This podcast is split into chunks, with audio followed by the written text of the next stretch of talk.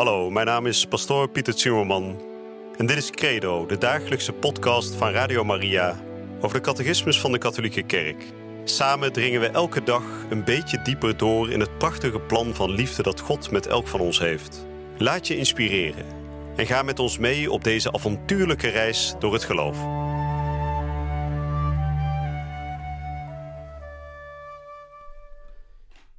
Vrienden, welkom terug bij Credo, de dagelijkse podcast hier bij Radio Maria. Inmiddels al dag 45. Uh, ja, we beginnen toch wel echt op stoom te komen inmiddels. Het was misschien een beetje een moeilijke start af en toe. Vooral het thema van de drie-ene God was niet al te makkelijk. Maar we beginnen er steeds meer in te komen. En gaandeweg beginnen we steeds meer die taal van God eigen te maken. En we hebben de afgelopen dagen gesproken over God als schepper. En wat betekent dat? Wat is de reden dat Hij überhaupt de wereld heeft gemaakt? Nou, we gaan daar vandaag meer over spreken. Het hoofdstukje vandaag heet De wereld is geschapen om God te verheerlijken. dus dat verklapt al iets over de reden van waarom God überhaupt zijn schepping heeft gewild. Ik ga vandaag met u behandelen de nummers 293 tot en met 298. We zullen zoals gebruikelijk deze podcast ook weer beginnen met gebed.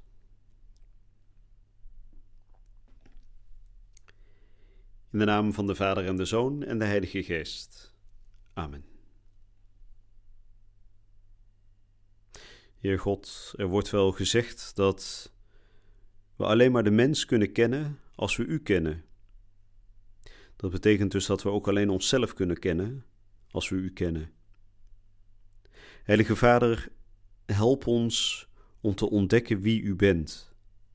Help ons te ontdekken dat U een liefdevolle schepper bent, die hemel en aarde in liefde geschapen heeft, die hemel en aarde gemaakt heeft om U te verheerlijken, en die ook ons geschapen hebt om U te verheerlijken.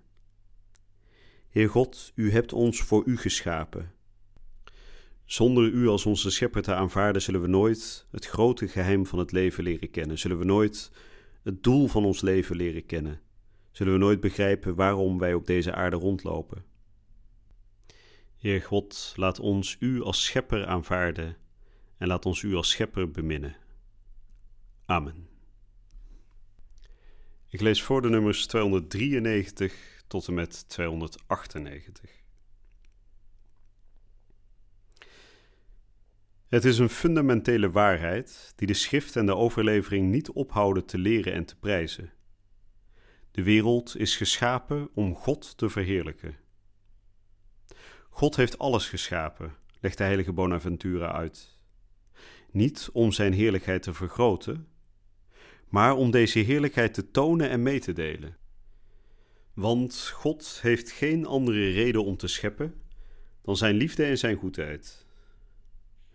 Nadat zijn hand door de sleutel van de liefde geopend was, kwamen de schepselen daaruit tevoorschijn. En het Eerste Vaticaans Concilie legt uit: in zijn goedheid en door zijn almachtige kracht, niet om zijn gelukzaligheid te vergroten en evenmin om zijn volmaaktheid te verwerven, maar om deze te tonen in het goede dat hij zijn schepselen schenkt, heeft deze ene ware God volgens één in volledige vrijheid genomen raadsbesluit, vanaf het begin van de tijd het geestelijke en het lichamelijke samen, bij de schepsel, uit het niet geschapen. De heerlijkheid van God bestaat erin dat dit tonen en dit meedelen van Zijn goedheid, met het oog waarop de wereld geschapen is, werkelijkheid wordt. Van ons aangenomen kinderen in Jezus Christus te maken dat was het liefdevolle raadsbesluit van zijn wil, tot lof van de heerlijkheid van zijn genade. De glorie van God is immers de levende mens. En het leven van de mens is immers de aanschouwing van God.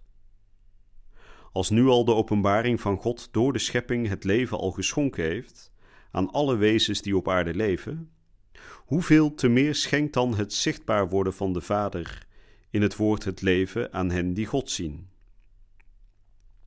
Het uiteindelijke doel van de schepping is dat God, die de schepper is van alle wezens, tenslotte alles in alle wordt.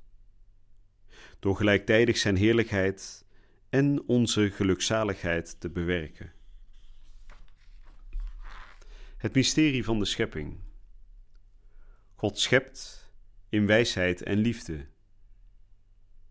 Wij geloven dat God de wereld heeft geschapen overeenkomstig zijn wijsheid. Ze is niet het product van een of andere noodzaak, van een blind lot of van het toeval. We geloven dat ze voortkomt uit de vrije wilsbeschikking van God, die de schepselen heeft willen laten delen in zijn wezen, in zijn wijsheid en goedheid.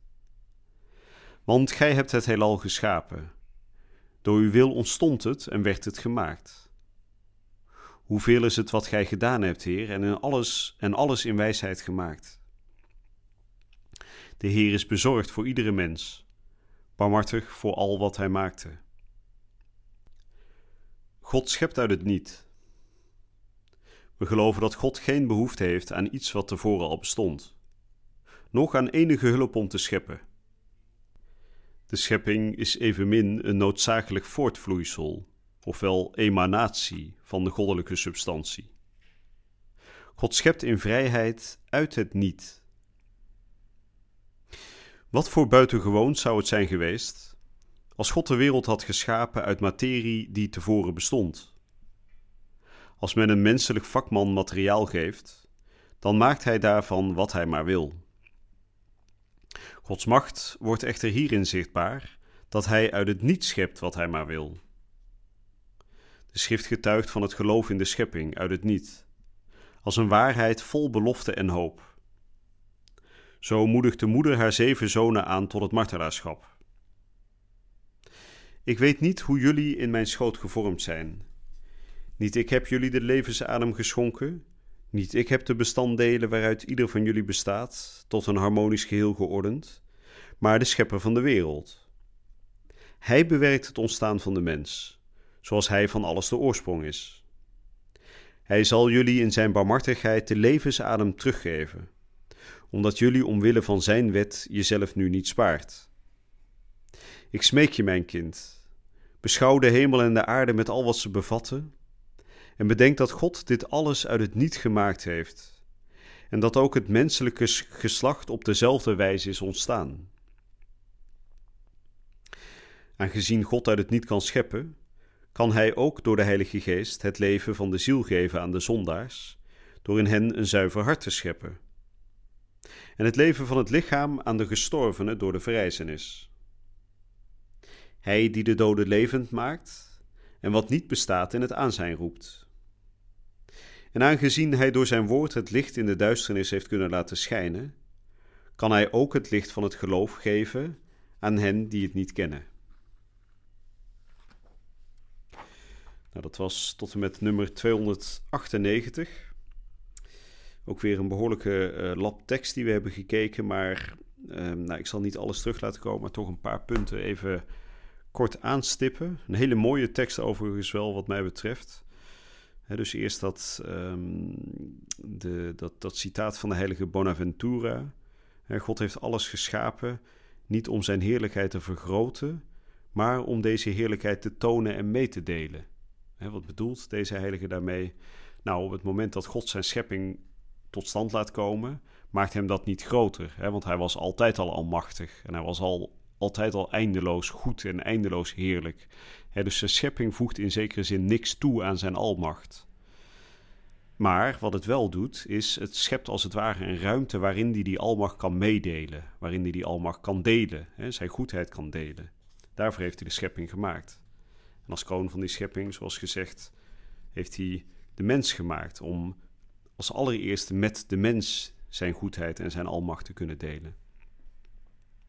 Nou, en dan worden er twee hele belangrijke punten genoemd over hoe God schept. Nou, allereerst, dat hebben we al eerder besproken, God schept in wijsheid en liefde.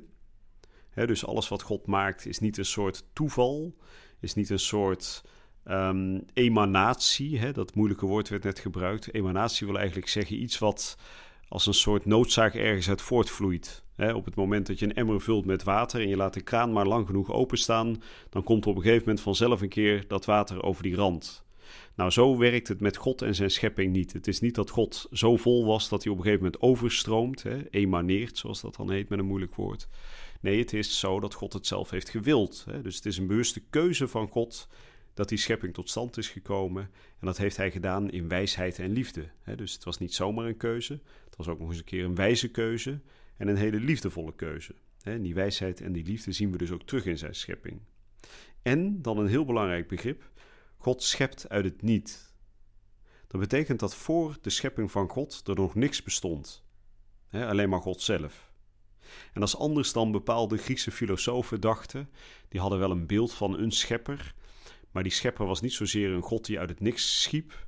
Maar dat was iemand, een soort goddelijk wezen, wat dan orde bracht in een bepaalde chaos. De oude Grieken, of een deel van de oude Grieken, geloofden dat de materie, alles wat je aan kunt raken, dat bestond al. En um, dat goddelijk wezen heeft dat alleen maar op een bepaalde manier gerangschikt, geordend. Hè, als een soort puzzel goed in elkaar gezet. Maar dat is niet wat wij als katholieken geloven. Nee, wij geloven dat voor de schepping van God er nog helemaal niks bestond. En dat God dus ook de materie heeft geschapen. Hij heeft alles wat er bestaat in het leven geroepen. En dat heeft hij gedaan uit het niet. Nou, dat was de catechese voor vandaag. We gaan er de volgende uitzending op door. Dan gaan we spreken over dat God een geordende en goede wereld heeft geschapen. En dat gaat misschien een beetje in tegen ons gevoel, want we zien natuurlijk ook wanorde en we zien ook kwaad. Maar ook daarop zullen we het antwoord gaan vinden de komende dagen. Ik wens u een hele goede dag toe en ik hoop u weer te ontmoeten hier bij Radio Maria bij de volgende uitzending van Credo. Je luisterde naar Credo, de dagelijkse podcast van Radio Maria over de catechismus van de Katholieke Kerk. Credo is iedere werkdag te beluisteren op Radio Maria. Maar je kunt de afleveringen ook in je eigen tempo terugluisteren op onze website, in de app of op Spotify en de andere platforms. Via de website radiomaria.nl vind je dagelijks de link om de bijbehorende teksten uit de catechismus mee of terug te lezen. We zijn erg dankbaar voor alle giften die wij mogen ontvangen. Daardoor kunnen we ons goede werk blijven doen. Draag je ook bij aan deze missie?